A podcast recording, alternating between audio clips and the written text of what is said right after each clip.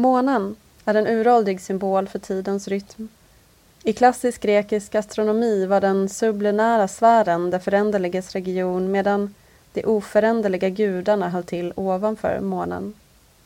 I Hanna Raislaras nya diktsamling Under månen är det människans förgängliga värld som gestaltas och månen går som en ombytlig konstant genom dikterna.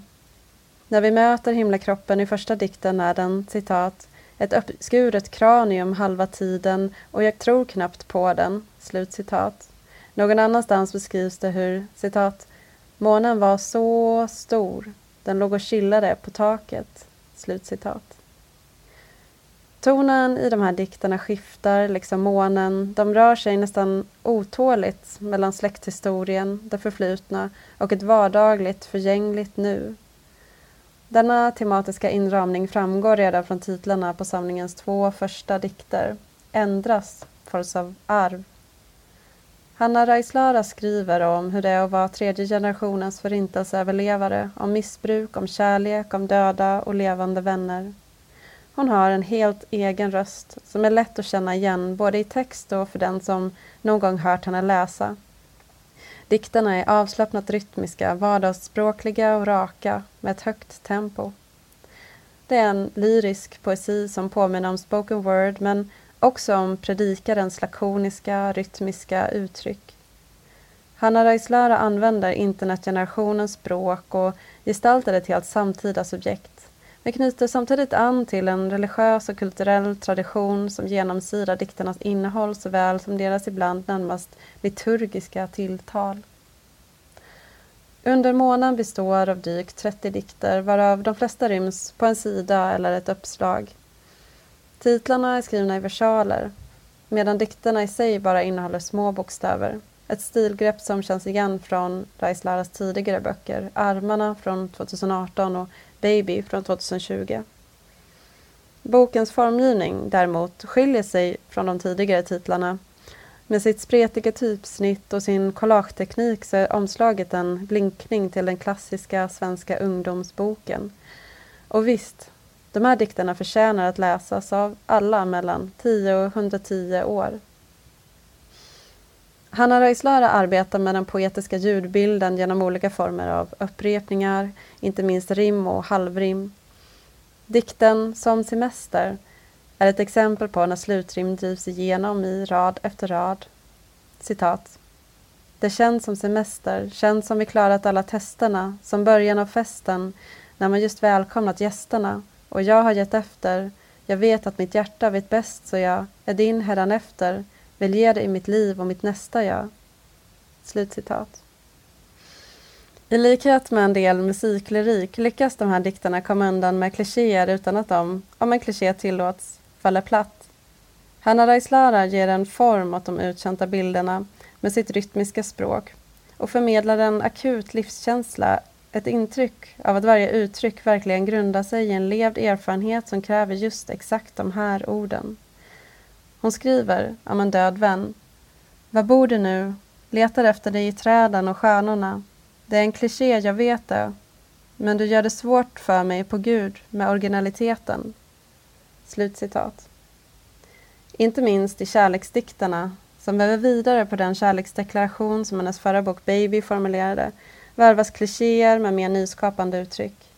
De här dikterna får mig att tänka på Shakespeares sonetter, framförallt den 76 där skalden ironiserar över kravet på att uppfinna nya former för att uttrycka sin eviga kärlek. Raislöra skriver, citat, Jag etsar ditt namn där det viktiga blodet finns, hittar andra tekniker för att skriva enkla sanningar. Jag älskar dig på varje möjligt sätt. Jag älskar dig på nya språk. Slutcitat. Under månen tar på sätt och vis vid där armarna slutade med dikten Chai där jaget återger en kollegas konspirationsteoretiska antisemitism. I Hanna Reis återkommer dessa absurda teorier i en dikt som sjuder lika mycket av satir som av nattsvart mörker. Citat. Eller om jag spelar med, säger lita aldrig på en jude.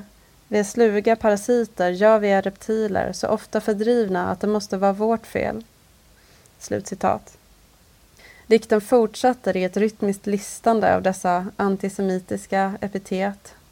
Citat. Vi är snåla satanister, vi är kroknästa marxister, vi är bleka globalister, vi är fega sionister. Slutcitat. Det är roligt, medryckande och hemskt på samma gång. Det här är åsikter som riktiga människor turnerar på internetforum och i lunchrum. Men genom att lyfta de groteska klichéerna ut ur sina sammanhang avväpnar Raislara dem, äger dem så att säga.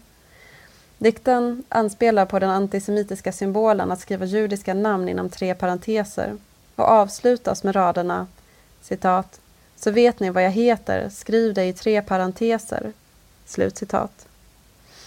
I denna dikt framstår jaget som kaxigt, liksom förbannat fast med en ironisk distans. Men ofta präglas dikten av andra stämningar. I Arv heter det citat. Jag är spänd, jag är rädd, vilket skämt, kolla mig, se en svensk. Vad ska jag göra med rädslan jag ärvt? Slut citat.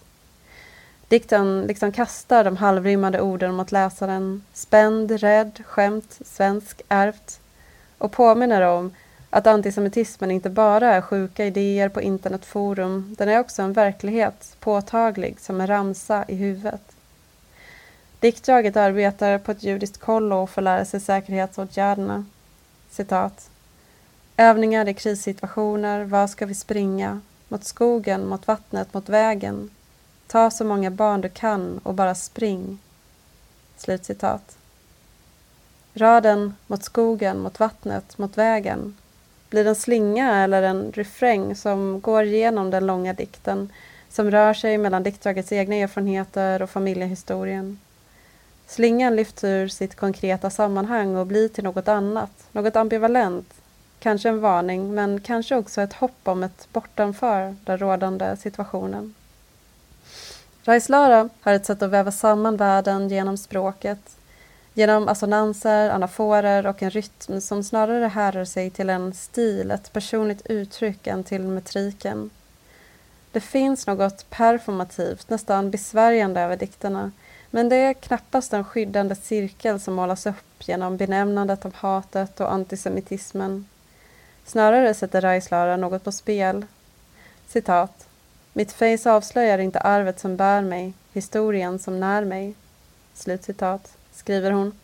Liksom hon i armarna hela tiden återkom till de långa armarna som det enda i hennes utseende som avslöjar att hon tillhör moderns del av släkten. Skrivandet blir ett sätt att knyta an, föra vidare, att låta sig bäras av sitt arv för att parafrasera en av hennes egna rader.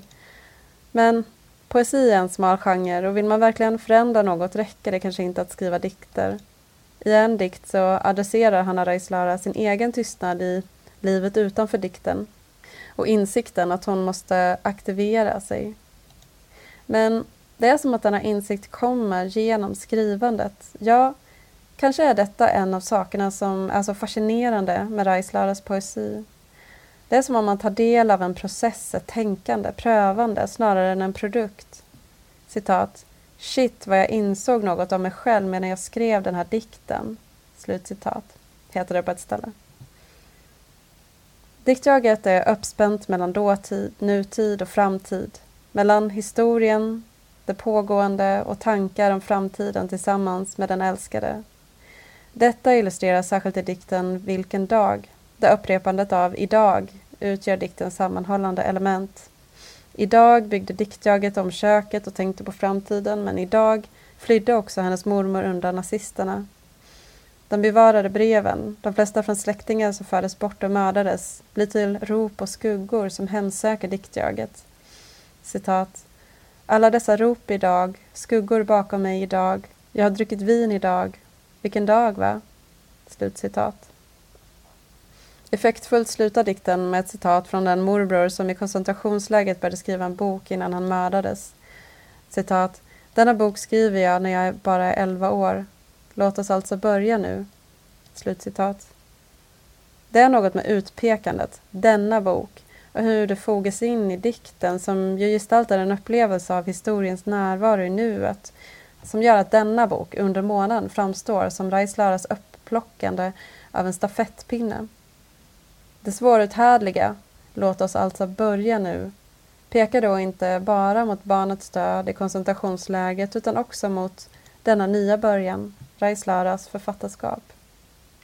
Om Armano mottogs som en lovande debut står det klart med Under månen att Reislara är mer än lovande. Hon har en förmåga att skriva dikter som går rakt in i läsaren. Dikterna i Under månen har en lockande yta och fasansfulla bråddjup, är förtrollande och ögonöppnande, humoristiska och sorgliga. Mot slutet av samlingen finns en dikt som gestaltar ett missfall, där det ofödda barnet apostroferas. I en tidigare dikt handlar diktjaget sushi åt sin gravida fru, men här gestaltas ett möte med barnmorskan vars citat ögon går från ett till noll. Slutcitat. Död och sorg är ju långt ifrån nya ämnen i hennes diktning men här blir smärtan fysisk på ett annat sätt samtidigt som hon söker orden att beskriva sorgen. Citat. En våg som återvänder till havet. Spöken hänger på dörrarna. Du är någonstans i rören nu om du inte är kvar där inne. Slutcitat. Metafysiska perspektiv blandas med de krasst fysiska. Citat. Du är i trosan, i toan, i avloppet. Eller så är du ingenting tills du är tillbaka. Slutcitat. Jag kommer att tänka på Ida Börjels långa dikt Ma, vars centrala del gestaltar förlusten av ett ofött barn, eller rättare sagt känslan av att inte kunna och ändå vara tvungen att skriva om det. Jag tänker på hur extremt olika de här två poeternas sätt att skriva om en liknande erfarenhet är, men hur de ändå möts i den primala, ursinniga smärtan. Anledningen till att jag ens vill göra jämförelsen är att jag tycker att den belyser någonting hos Lara som poet, nämligen att hon verkar kunna skriva om allt. Med varierande grad av direkthet, visst. I vissa dikter är bilderna mer hermetiskt slutna och verkar dölja någonting som inte riktigt kan utsägas, men oftast är de ändå glasklara.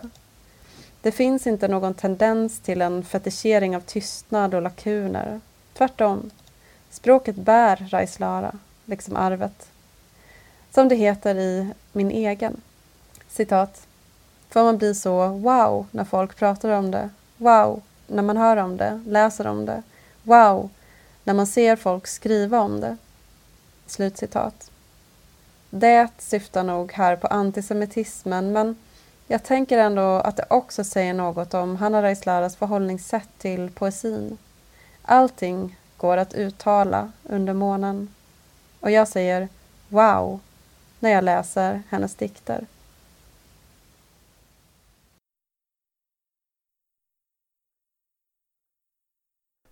Den här recensionen är originalpublicerad på www.ornenochkrakan.se under ansvarigt utgivarskap.